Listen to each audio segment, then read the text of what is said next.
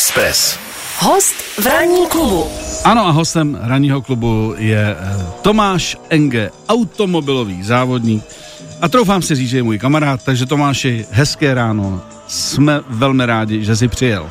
Dobré ráno tobě i všem posluchačům, já děkuji za pozvání. Tak to je skvělý. A prosím tě, důležitá věc, Uh, ty jsi přijel vlastně poměrně zdaleka. Já jsem teda původně myslel, že jsi nějak v Praze, máš tady nějaký vyřizovačky a že prostě sedneš do auta a budeš tady za dvě až tři minuty. Tak eh, jak dlouho jsi jel z náměstí? Já jsem vlastně včera byl v Brně na autodromu, tam jsem dělal coaching vlastně privátní, uh, trénink vlastně závodníkům, ale jinak teďka se pohybuju v náměstí, kde mm-hmm. máme velkou rodinu a tam ještě to bylo, já nevím, dvě, dvě a půl hodiny tady v Dvě a půl hodinky se. Takže no. uděláme rovnou i dopravní servis. Rá, ráno to relativně jelo. Ráno to, ráno to jelo, ale už se to začalo štosovat u Benešova, hlavně před Prahou. Mm, mm.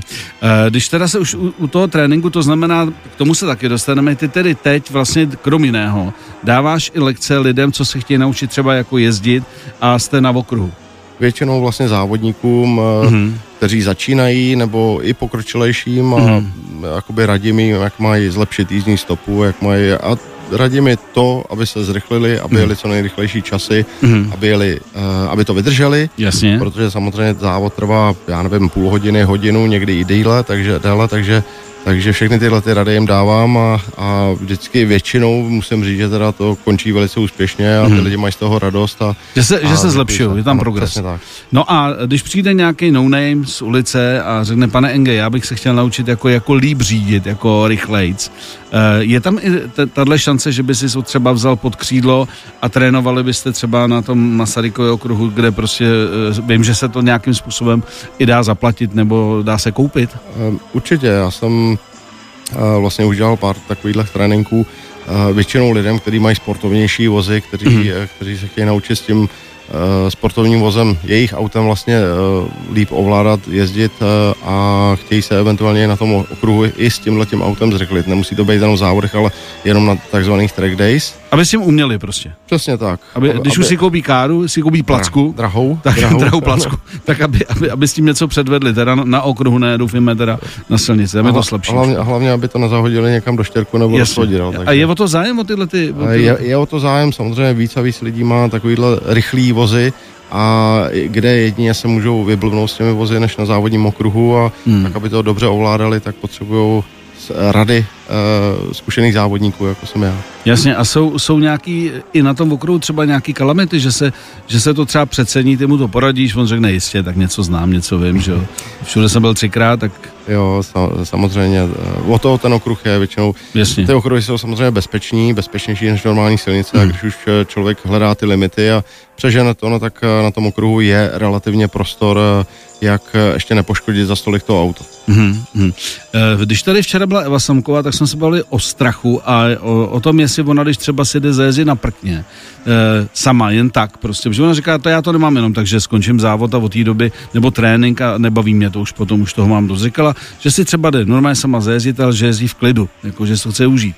E, jak to máš ty, e, jestli tam máš třeba někdy e, i strach, když jedeš třeba v běžném provozu a potřebuješ jet rychleji, a uh, jestli, jestli to tak bereš, ale teď nezávodím, teď jedu v klidu, nebudu si nic dokazovat, jedu úplně easy. Tak já díky tomu, že poměrně dost jezdím na těch závodních okruzích velice rychle, tak eh, v tom normálním provozu zase zas takovou potřebu nemám, eh, takže jezdit rychle, takže, takže většinou jezdím tak nějak easy a na tom okruhu já se vyblbnu. Tak jo, tam to okruh, stačí. Okruh nebo závodní trať, i to rally ve finále, hmm. ty jsem absolvoval svůj první Dakar, Tomu se dostaneme. Extrémní soutěž, takže, takže tam se člověk vyblbne tolik, že už potom je relativně v pohodě hmm, a v pohodě. A ještě jedna věc, uh, jsou nějaký sporty, u kterých máš strach, uh, když vyhodíme úplně auta? Co jsi zkusil, anebo co by si si chtěl zkusit a neuděláš to kvůli obavě, strachu? No, spíš vím, když, když mám z něčeho obavy, že to nechci zkusit. Že to nechceš? To, že třeba bungee jumping. Já Nebo tak, takhle. Díky, díky takhle. moc, já taky. Spíš to je sport, který já uh, nemám pod kontrolou. Nebo hmm. něco, co nemám pod kontrolou. Třeba prkno snowboardový mám pod kontrolou, yes. jezdím. Jezdíš. Úplně v pohodě, ale... Tady ti někdo přiváže nohy a modlí se, jestli má dobrý den. A hodí tě dolů a... Jasně. tak. Je Franto, ty vole. jo, to nevyšlo, Já jsem to neutáhl. Já mám dneska blbé, Já jsem se pohádal ze starou, ty já jsem úplně vyřízen. Rozumím, rozumím. Prostě jenom to, co máš pod kontrolou. Přesně tak. Dobře. Naším dnešním hostem je automobilový závodník Tomáš Enge. Teď si dopije kávu, my si dáme zprávy a pak už jdeme na kontinuální rozhovor. Jsme rádi, že jsi tady. Děkuji. Ranní klub. Ranní klub a Miloš Pokorný. Pokorný. Express FM. Tomáš Enge je český automobilový závodník, první a doposud jediný český pilot Formule 1.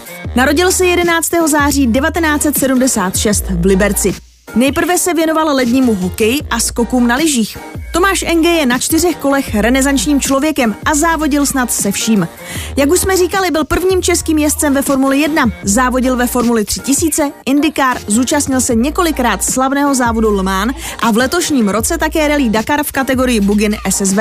Jeho kariéru ovlivnil pozitivní dopingový nález. Má rád Anglii, hlavně Londýn a preferuje lehčí jídla, těstoviny, kůře a z nápojů brusinkový džus. Tak eh, je to nastřelený jako plus minus dobře. Kde jste to vzali? To je to, že mám rád Londýn. no, někde jsme to našli. Máš rád Londýn nebo nemáš rád Londýn? Uh, no, ne, já, takhle, já jsem bydlel v Anglii asi tři roky, když jsem jezdil právě za Aston Martin Mhm. mm-hmm. uh, vytrvalostních závodech, ale spíš eh, jsem na ty hory. Mhm. Spíš jakoby... Což není moc v Anglii, no. Přesně tak. No, to jako není úplně horská krajina, až na nějaký výjimky. Eh, Když jsi říkal, když jsi jezdil v Anglii Aston Martin, co to znamená, když vlastně podepíšeš smlouvu s vyhlasnou značkou a uh, upíše se jim, co všechno vlastně uh, ty musíš dělat, aby oni byli spokojení? Tak je to legendární vlastně značka, že jo? To je právě. A, Je to, je to top značka. top značka, akord v Anglii. Takže eh, já jsem tam vlastně byl přítomen eh, u týmu, bydlel jsem tam, byl jsem každý den vlastně eh, v týmu na dílně, s inženýry jsem řešil věci a účastnil jsem se různých testování, mm. zkoušek nových protože Aston Martin staví i vozy pro zákazníky závodní, mm. takže ty jsem zkoušel a byl jsem tam vlastně eh, v denním procesu eh, nejenom závodního jezdce, ale i testovače a, Mhm. a poradce.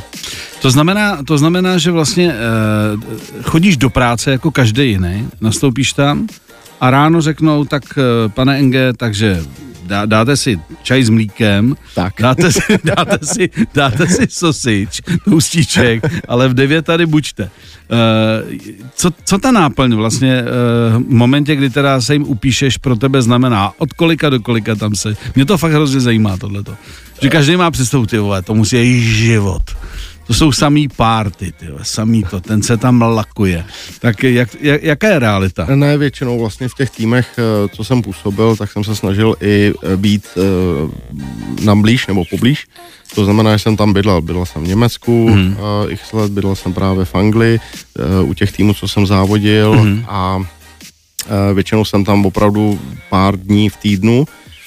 Um, není to tak, že tam musím být v 8 hodin ráno, Jasně. ale můžu se tam přijít trošku později, ale deváté. samozřejmě, když je potřeba, když je potřeba jet někam testovat, když je potřeba prostě tam být uh, včas, protože je něco domluveno, Hmm. něco, něco se chystá, uh, odlevá se nová sedačka, nebo, nebo zkouší se prostě výhled z nového vozu, Jasně. uh, tak je člověk se řekne, nebo uh, tým manažer mu řekne, musíš tam být prostě v 9 hodin ráno, nebo v 7 hodin ráno a prostě jede se takhle dál a další den mám třeba volno, Mhm. mm. dělám si eh, fitness eh, a řeším onboardy, řeším, rozebírám data s inženýry z eh, předchozího testování nebo z předchozích Jasně. závodů a posouváme vlastně tu rychlost auta a i já jako jezdec se posouvám dál všem tím letím. Jasně, to znamená, že ty vlastně jako eh, dáváš ty své zkušenosti zase těm inženýrům a říkáš, chlapci, dobrý, ale nevidím s to úplně dobře, eh, tady ta sedačka není úplně jako aerodynamický tvar, tak jak bych to jako já viděl, v tomhle by se dlouho nedalo jet a oni to buď akceptují nebo ne a, a, Přesně a tak. kvůli tomu si tě vlastně najmou. Ano, přesně tak. Mhm. Co byla nejlepší tvoje zkušenost zahraniční? Uf, to je otázka, tak jako samozřejmě eh, já jsem v zahraničí převážně závodil. Mhm. Eh, Kromě toho, že jsem procestoval celý svět, tak ale, ale většinou to bylo jenom z okruhu na okruh, takže já Mhm. jsem z těch zemí, co jsem procestoval, za tolik neviděl. Výjimka snad byla Amerika, eh, Austrálie, Nový Zéland, mm kde jsem se podíval trošku kolem dokola, ale většinou to bylo člověk přeletí na ty závody ve středu, ve čtvrtek, eh, od pátku se jezdí, ve čtvrtek je nějaká příprava a v neděli večer nebo, nebo v pondělí ráno už zase letí zpátky. Letíš pryč. Eh, Protože ho čeká další program, ať už eh, ten závodní, nebo ať už právě v té továrně. Mhm. A když jsi byl v Americe, eh, měl jsi čas se podívat i na, na ty závody, které jsou vlastně po celých státech. Eh, Samozřejmě nejznámější asi Indianapolis a tyhle, ty, tyhle ty okruhy. Jako jestli, jestli na to levu je, je čas, když tam seš. Já když jsem vlastně závodil v IndyCar v roce 2005, tak jsem tam bydlel v Indianapolis přímo mm. u týmu. A zase, byl jsem tam každý den, nebo skoro každý den vlastně u nich eh, na dílně a eh, eh, podílel jsem se na vývoji toho auta, podílel jsem se na, na vývoji vlastně techniky a Hmm. i sebe a mohl jsem a měl jsem tu, tu možnost vlastně navštívit závody třeba na Skáru, Mhm. eh, což je vlastně ta nejvyšší liga v Americe, ale Indianapolis 500 vlastně ten závod jsem odjel. Ten závod byl speciální, protože na, na tento závod jsme se připravovali tenkrát celý měsíc. Mhm. Celý měsíc jsme pondělí až čtvrtek eh, strávili na dráze a testovali, testovali, testovali. To, aby vás pustili eh, do Indianapolis eh, s monopostem IndyCar, Mhm. tak si musíte vlastně vyjet takzvanou licenci, Mhm. a kdy nejdříve vás pustí na, b- projdete nějakým školením, eh, pak vás pustí na trať a můžete tu trať projet, já nevím, 10 okruhů jenom já nevím, 100 mil za hodinu. Mhm. Pak další 10 okruhů, 130 mil za hodinu. Až takhle se dostanete až na tu maximální rychlost, kdy vlastně ten průměr na jedno kolo eh, je 230 mil za hodinu, Mhm. což je nějaký 350 km za hodinu, je průměr na jedno kolo. Mhm. Jede se to na plný plyn a na rovinkách se dosahuje až 380 km za hodinu. Takže tohle je speciální tráť, kde Mhm. se jede strašně rychle, ale o to větší adrenalin eh, člověk zažívá. Myslím si, že tohle to byl úplně ten highlight, eh, Mhm. Co jsem kdy zažil toho, toho adrenalinu. Tomáš Enge je naším dnešním hostem ranního klubu. Miloš Pokorný a jeho tým. Tým. Ranní klub.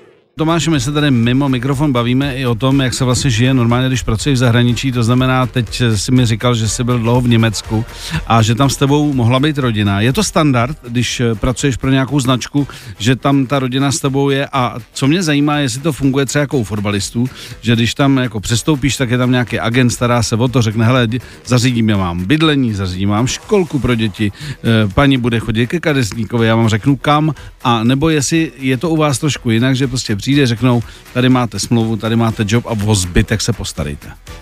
No, záleží na jaký úrovni jakoby závodí. Když mm. závodíš ve Formuli 1, no tak to je jako fotbalista, když jde do té Anglie mm. nebo do té do Itálie, eh, do Německa hrát fotbal a má na to agenta, který se mu stará o spoustu věcí, ale já vlastně Um, jsem teď poslední léta závodil jenom ve vytrvalostních nebo GTčkových závodech a um, ten prostor na ten čas uh, nebo ten level toho, toho závodění ne- není tak, že bych tam měl agenta, mm-hmm. který by se mi o to staral, takže jsem si o ty uh, ostatní věci vedle toho závodění musel postarat sám. Mm, takže prostě musíš, musíš fungovat normálně jako každý, Jako každý normální smrtelník, k- který tam pracuje. Uh, ty jsi říkal, jsme se se bavili, ty jsi říkal, kolik jsi tam byl v Německu? 8 let? Osm let, 8 no. let, 8 let. Jaký je třeba rozdíl, když jsi ve stáji v Aston Martin v Anglii a když jsi u, u německé značky, jako v tom celkovém pojetí, jako je to jinak, anebo ten profesionální eh, automobilový život je vlastně velmi podobný? Je to velmi podobný, protože uh, všichni se snaží vlastně vyhrát. To, Mhm. abyste vyhráli, tak musíte ty věci dělat pořádně, profesionálně, stavit se k ním profesionálně a uh, dělat to od A do Z uh, perfektně. Mhm. Takže uh, ať už stavba auta, ať už testování, ať už příprava, ať už soustředění uh, na ty závody nebo na ten, uh, na ten samotný výkon, tak, uh, tak je potřeba, aby všichni členové týmu od jezdce po posledního mechanika eh, odvedli 100% práci, aby se náhodou nestalo, že mechanik zapomene utáhnout šroub a, a upadne mi kolo, že jo. Mhm, mhm. Což by se teda Takže- asi u profista je- stát neměl, nicméně je to furt práce. Je to, je to furt práce a, a prostě potom člověk vlastně za to má to ocenění, že získá ten, ten pohár nebo že, že vyhraje závod. Hmm. Když se šikovnej, dá se říct, že to je job na celý život, Eh, že prostě když už v těch autech jednou seš, že i jako řekněme do důchodu eh, prostě dojedeš jako někdo, kdo prostě se pohybuje kolem aut, nebo je to spíš třeba eh, tak, že ty kluci, co dojezdějí tu kariéru, tak potom řeknou, hele, tohle bylo tlustá čára, já jdu dělat něco jiného, protože tady už třeba to pro mě není tak zajímavý, není to pro mě třeba lukrativní. Tak motorsport eh, je samozřejmě o velkých penězích. Mm. A to, abyste se dostal na úroveň profesionálního jezdce, který je placen těmi automobilkami nebo těmi stájemi, eh, tak eh, potřebujete do toho investovat. A není to jenom o tom koupit si kopačky prostě a tričko mm. a trenýrky, ale je to o tom prostě jezdit závody všechno stojí peníze, pneumatiky, pronájem okruhu, stavba auta, mechanici, doprava a tak dále a tak dále. A ty, ty čím větší závody člověk jezdí, čím lepší sérii nebo e, vě, věhlasnější sérii, tak jim to stojí víc peněz a ty částky se pohybují prostě v milionech eur mm-hmm. na sezon. Takže mm. když se člověk dostane do té pozice potom, kdy, kdy už je placený za to, že závodí a reprezentuje tu značku a dováží na prvních místech nebo, nebo dělají dobrou reklamu, tak eh, potom eh, ten, eh, ta práce už je na celý život. Mm. Ale než se dostanete do tohohle na, tuhle, levelu. na tuhle úroveň, přesně mm. tak, tak může se stát, že prostě přijdete o, pe- o sponzory a že už prostě dál nebudete moci jít a uděláte tlustou čáru prostě a jdete dělat něco jiného co vás nestojí peníze a naopak vám vydělává peníze. Jasně. Takže mě ten motorsport peníze vydělává, už jsem na té úrovni, kde zřejmě eh, jakoby do toho důchodu, eh, do toho důchodu tam budeš? Tam budu v tom motorsportu pořád Jasně. a možná i potom. Jasně.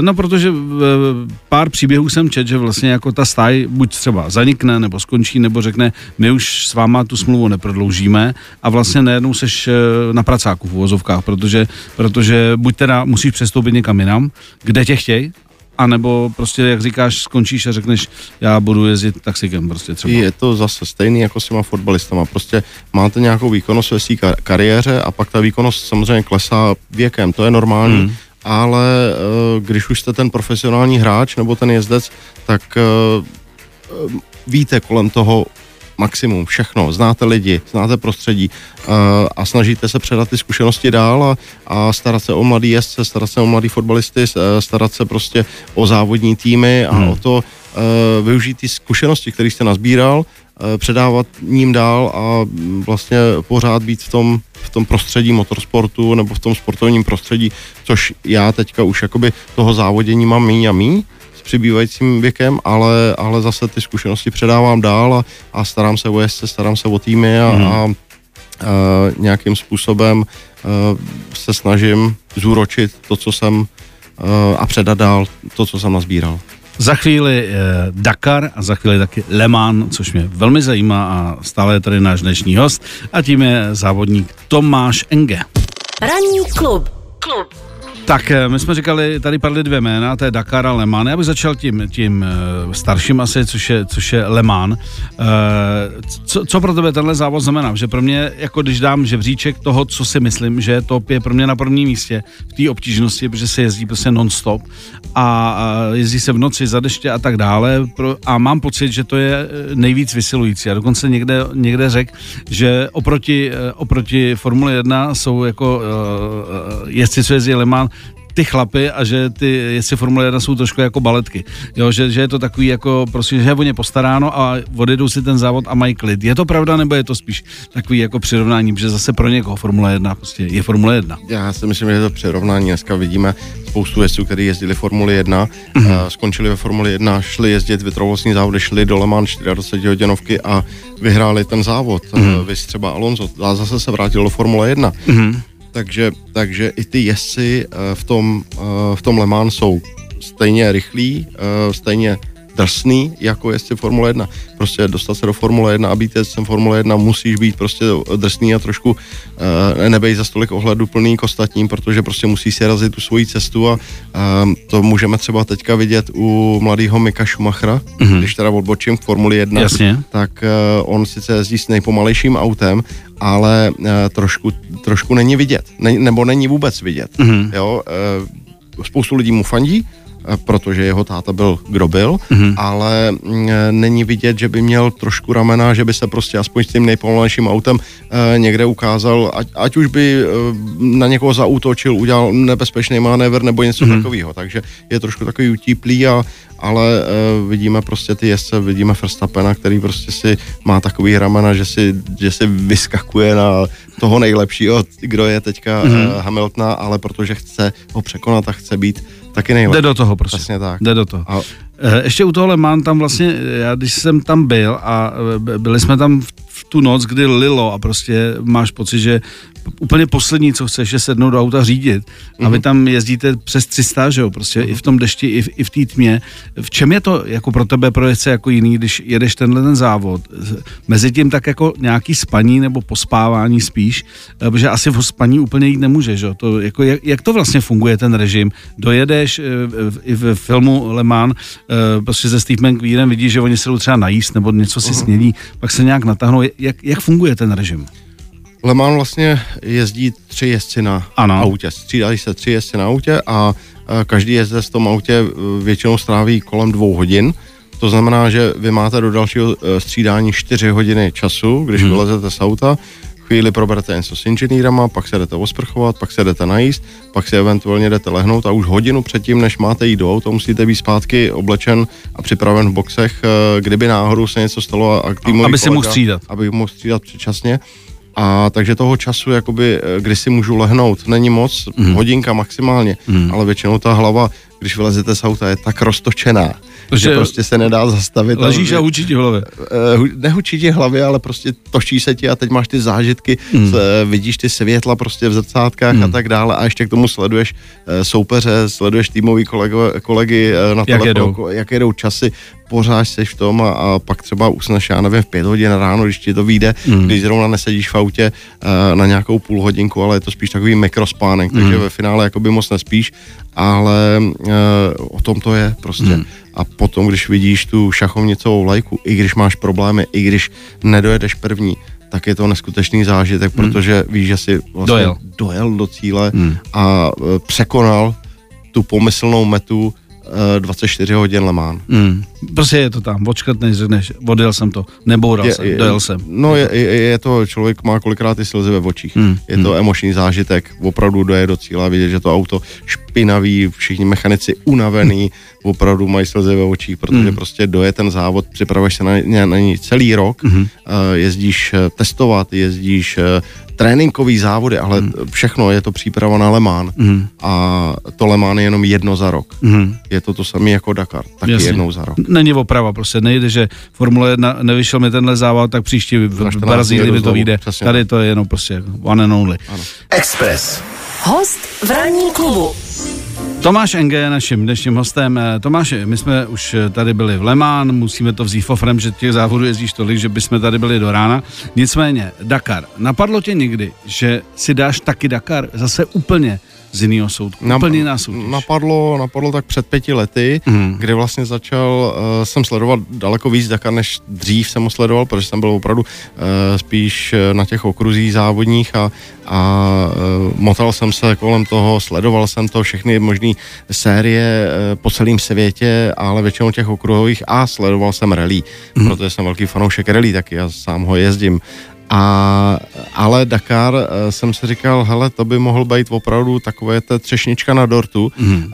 Zažil jsem Le Mans, zažil jsem Indianapolis 500, eh, zažil jsem Formuli 1, Um, tohle to by mohlo být, Ještě a jako- nehledě na to, že v, v, v tom Dakaru uh, můžeš jezdit, i když ti je 50, 55 Mhm. let, jo, takže, takže opravdu i v tom větším věku, nebo starším věku, uh, kdy uh, vítězové teďka, kteří vyhrávají Dakar v těch autech, tak eh, jim je většinou přes 50 let. Jo. Mm. Jsou to zkušený borci, kteří mají strašně odjeto, eh, kteří eh, zvládnou fyzicky ještě pořád tak náročný závod, tak si říkám, proč bych to nezvládl já. Dostal jsem tu šanci právě eh, díky mému novému týmu eh, Bagira Racing a eh, jsem za to hrozně rád a doufám, eh, Dakar jsem odjel, dojel, což byl eh, největší cíl, mm-hmm. dojet ten Dakar, odjet si to celý, těch 14 dní nebo 12 etap, 12 dní se závodí a nazbírat ty zkušenosti, poznat to, eh, je to extrémní závod. Extrémní hmm. závod, který prostě eh, je No, strašně když na to koukáš v televizi, jak říkáš, jasně jezdí po písku dobrý,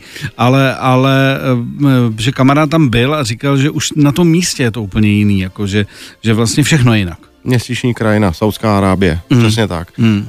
Uh, ono to není, většinou ty záběry, které vidíš v televizi, tak jsou, uh, když se jede v Dunách. A ono v těch Dunách se jede, já nevím, 30% celého závodu. Mm. Zbytek jsou prašné cesty, kamenité cesty, uh, kolikrát se jede prostě v řečištích mm. uh, vyschlých, mezi obrovskými kameny, kde je 40 km za hodinu drncá to s tebou. E, jsou tam samozřejmě je důležitý navigátor, který tě dobře naviguje, e, abyste dojeli bezpečně těch 400 km té etapy za hmm. ten den, co jedete, což trvá 5-6 hodin a někdy i díl, když máš hmm. technické problémy takže každý den vlastně sedíš v tom autě 8, 10 hodin, 12 hodin někdy e, i s přejezdama do toho servisního střediska kolikrát a je to náročný. Pak vystoupíš hmm. večer v 8 hodin z auta, ráno do něj zase v 8 hodin nastoupíš a, a e, seš rád, že se jdeš lehnout, e, od toho máš profesionální tým, já jsem mě letos jel a e, musím říct, že to fungovalo bezvadně a proto jsem díky tomu jsem, díky hlavně týmu jsem mohl a spolu jezdci dojet zdárně ten Dakar a hmm. velice rád bych pokračoval dál a znovu absolvoval a e, dostal se kolik, e, nebo dostal se do budoucna i do té největší kategorie, což je do kategorie aut. To jsem to absolvoval s Buginou, side hmm. by side a samozřejmě auta jsou můj cíl do budoucna. Hele, a jak na tebe koukají ty jezdci, co jezdí ten Dakar, e, řeknou, jako jo, jasně, je tam taková ta hierarchie typu jel Formule 1, jel Le Mans, jel Indy, e, to je frajer, to je respekt, jako, a nebo prostě seš úplně v jiný kategorii, že to nikoho nezajímá. Naopak, já jsem tam potkal pár vlastně známých e, kamarádů nebo nebo souperů e, ze závodních tratí na okruzích. Hmm. Ať už z Lemán, ať už z cestovních aut, z GTčkových aut a hmm. tak dále. Takže, takže pár těchto těch lidí jsem tam potkal. E, chvíli jsme, když jsme měli ten čas, když jsme se potkali většinou někde v cateringu, když jsme hmm. se šli najíst, tak jsme chvíli pokecali a, a naopak se uznáváme navzájem, protože, že tam je respekt. Že tam je respekt mm. a ty ostřílení borci, ty zatím eh, o mě neví, protože jsem ještě neuměl nebo uh, neměl jsem tu možnost mm. ukázat uh, jet vlastně na těch předních příčkách, ale uh, je to o tom ty, ty první ročníky, nebo hlavně ten první ročník opravdu projet to, i když nejde člověk nejrychlejc, ale nazbírat ty zkušenosti, protože bez zkušeností několika letých člověk ten Dakar vyhrát nemůže. Mm-hmm. Ještě jedna věc mě zajímá, když zahlásí, že nemůžou někoho najít. Říkám, sakra, jak nemůže někoho najít. Prostě to přece dneska přijde technice a tak dále, ale jak ty říkáš, duny jsou jedna věc a druhá věc je prostě potom ta, ta běžná traj, tyhle ty věci a když se tam jede zasekne na motorce mezi kamerama, tak ho opravdu třeba nemůžou najít, nebo neví, kde je, že, a tak dále. Jo. Že takový ty momenty, že říkám, jako v dnešní době, jako, že ho hledají, nebo prostě, když se někdo zraní třeba, jo. ale je to asi opravdu extrém ve všem. Je to extrém ve všem a my jsme třeba měli měli párkrát eh, tu příhodu, kdy jsme měli technickou závadu a během 15 minut, co naše auto stálo, tak nám eh, organizátor z Francie volal, nebo nějaká asistentka eh, telefonní nám volala, jestli jsme v pořádku, mm-hmm jestli potřebujeme pomoc, jestli máme dostatek vody mm-hmm. a e, jaký máme další plány, tak my jsme řekli, máme plán to opravit a jedeme dál a dojet do cíle. Mm-hmm. Takže e, když vznikne nějaký takovýhle problém, tak oni vám přes tu GPS, přes tu satelitní GPS spoje, spoje. normálně spojí a zavolají vám do auta, jako, mm. Jako kdybyste měl mobilní telefon. Jasně, jasně. Tomáš Enge naším hostem a za chviličku se podíváme už na dotazy našich skvělých posluchačů. Miloš Pokorný. Na Expressu. Na Expressu. Eh, tak eh, ptá se eh, tady Dominik, jestli si pamatuješ, jakou nejvyšší rychlostí si v životě jel? Jo, bylo to v Indianapolis právě při Indy 500 a to bylo v kvalifikaci. Nejvyšší rychlost mám takový den 382 km za hodinu, takže to bylo nejvíc, co jsem kde, kde jel, ano. Mm-hmm. No a potom Štefan tady trošku vzpomíná, uh, ve tvých začátcích, když jsi jel závod Formule 3000 nebo Formule 3.1, teď si nejsem jistý, byl mokrý závod a ty si zariskoval, nechal si zpřezout suchý pneumatiky a i když si dostal hodiny, nevzdal si to a nakonec si skončil na prvním místě. Je ještě jiný závod, kde se ti povedl takový kousek, že na to často vzpomínáš? No tohle to byl první takový extrém, kdy opravdu uh, já jsem vedl závod ve Formule 3000, bylo to v roce 99 a teď jsem jel, uh, v roce 2000 vlastně, Teď jsem jel, uh, teď týmový kolega, který jel za mnou, jsme všem ujížděli, týmový kolega, který jel za mnou, mě dojížděl a já jsem říkal, hele, osychá trať, mě začíná klouzat hrozně ty mokré pneumatiky, já musím přezout. Mně nešla vysílačka, takže já jsem uh, neslyšel, uh, tým mě slyšel, že jedu přezouvat, ale já jsem neslyšel, že mi odpovídají ne, zůstaň na trati. Přijel jsem do boxu, oni naštěstí byli připravení, přezuli mě a já jsem dokázal vlastně za ty tři kola předjet těch asi pět soupeřů, který mě tím pistopem předjeli a dokázal jsem vyhrát závod. Naštěstí jsem teda nedělal žádný hodiny, protože ty hodiny by mě asi stály vítězství, ale hm, hele, tohle to byl, opravdu na tohle to vzpomínám e, často a další asi takový extrémní závod, který musím říct, který se mi podařil vyhrát za, za takových podmínek nebyl. Hmm. Další dotaz. Eh, Milan se ptá, jestli se ti jako profíkovi taky někde stane v běžném provozu nějaký foupa. To znamená, že tě třeba někdo vytroubí, vybrzdí a takový ty český speciality, myšky a tak. No samozřejmě, to je na, na denním pořádku. Teď se mi stalo, zrovna jsem uh, chtěl zaparkovat tady u vás uh, u, u rádia a uh, stál jsem ve špatném pruhu, tak jsem mě stalo fopa, kdy jsem musel přejet další pruh, už mě, mě vytrubovali, já jsem se jim omlouval, ale prostě to se někdy stane, jako když člověk To se nezná vesničan. to. přesně, přesně tak. Ježišmarja, ten zatím sedí po třetí, ale, ale uh, samozřejmě, snažím, jak jezdím v klidu, tak, eh, tak jsou některý ty nervózní řidiči a myškující, ale prostě to, hele, je potřeba uh, přísnější metr na všechny. Hmm, hmm, hmm, hmm. Já mám ještě Tomáš zdraví Tomáše. Děkuju. Eh, A ptá se, jestli si s auty povídáš a uh, jak jim říkáš, jestli, asi, jestli máš nějaký jména pro svý auta. Neměl jsem nikdy žádný jména pro auta, nejsem jak Sebastian Vettel, který si každý, s, eh, každý rok vlastně pojmenovává eh, tu svoji Formuli 1 jiným jménem, ženským jménem většinou. Mm-hmm. Ale um, s auty, jo, ano, povídám si, většinou, když mě doveze vítězně do cíle, tak mu řeknu děkuju, super závod, vydržel to, nebo vydržela to, jde o to, která značka to byla, a, ale jdu dál, no. Mhm, mhm. Tak máme ještě něco? Je to, Takhle to je krása. komplet. Takže za chviličku poslední vstup uh, s Tomášem Engem a uh, samozřejmě, uh, pokud byste ještě v rychlosti něco chtěli, tak rychle napište, už to bude úplně, úplně úplně last minute, úplně last minute. Klub. Ranní klub. Tak eh, je tady finále s naším hostem Tomášem Engem. Tomášem, poslední dva dotazy. eh, První. Co by si ještě ty chtěl, po tom, co jsi tady prezentoval a co jsi zažil, co by si si ještě ty chtěl zajet? Asi svoje desátý 24 hodin Le Mans. Mhm. Eh, Mám 10, 10 startů a desátý mi chybí. Mhm. A pokračovat eh, v Rally Dakar v následujících letech. Mhm. A je eh, ten desátý start na Le Mans, co proto se musí udělat, aby, aby se tam zase mohl vrátit? No, spoustu věcí. Mm-hmm. Uh, musím se dostat vlastně do týmu, uh, který, který Bude eh, jezdit? bude jezdit a Musíš který být ho dobrý. pojede. Přesně tak. Musím být pořád ještě dobrý. Pořád ještě dobrý. Tak to budeme držet palce Děkuju. jednoznačně. A teď eh, ten závěrečný dotaz, a tady se můžeš trošku rozpovídat. Kdo a proč je pro tebe ten nejlepší jezdec, buď kterýho si viděl, nebo o kterém si slyšel a pak si ho chtěl vidět a viděl to třeba z archivu. Prostě kdo je pro tebe ten úplně nejlepší jezdec, eh, kdyby si měl říct jedno jméno. Ayrton Senna? Ayrton Senna. Uh, prostě já jsem ho uznával už když jsem byl malý, ještě než jsem vlastně závodil, tak jsem měl jeho plagát doma a uh, samozřejmě jeho kariéru jsem sledoval, ale bohužel ona nebyla moc dlouhá. Uh, viděl jsem nedávno vlastně film o něm, mm. dokumentární film, který mi spoustu věcí přiblížil a řekl, jak, jak vlastně to probíhalo v určitých chvílích eh, jeho života, jeho kariéry, eh, jeho normálního života, no a Mhm. mm-hmm. myslím si, že, že to byl prostě pan jezdec a pan člověk hlavně. Mhm. Mm-hmm. Pan člověk.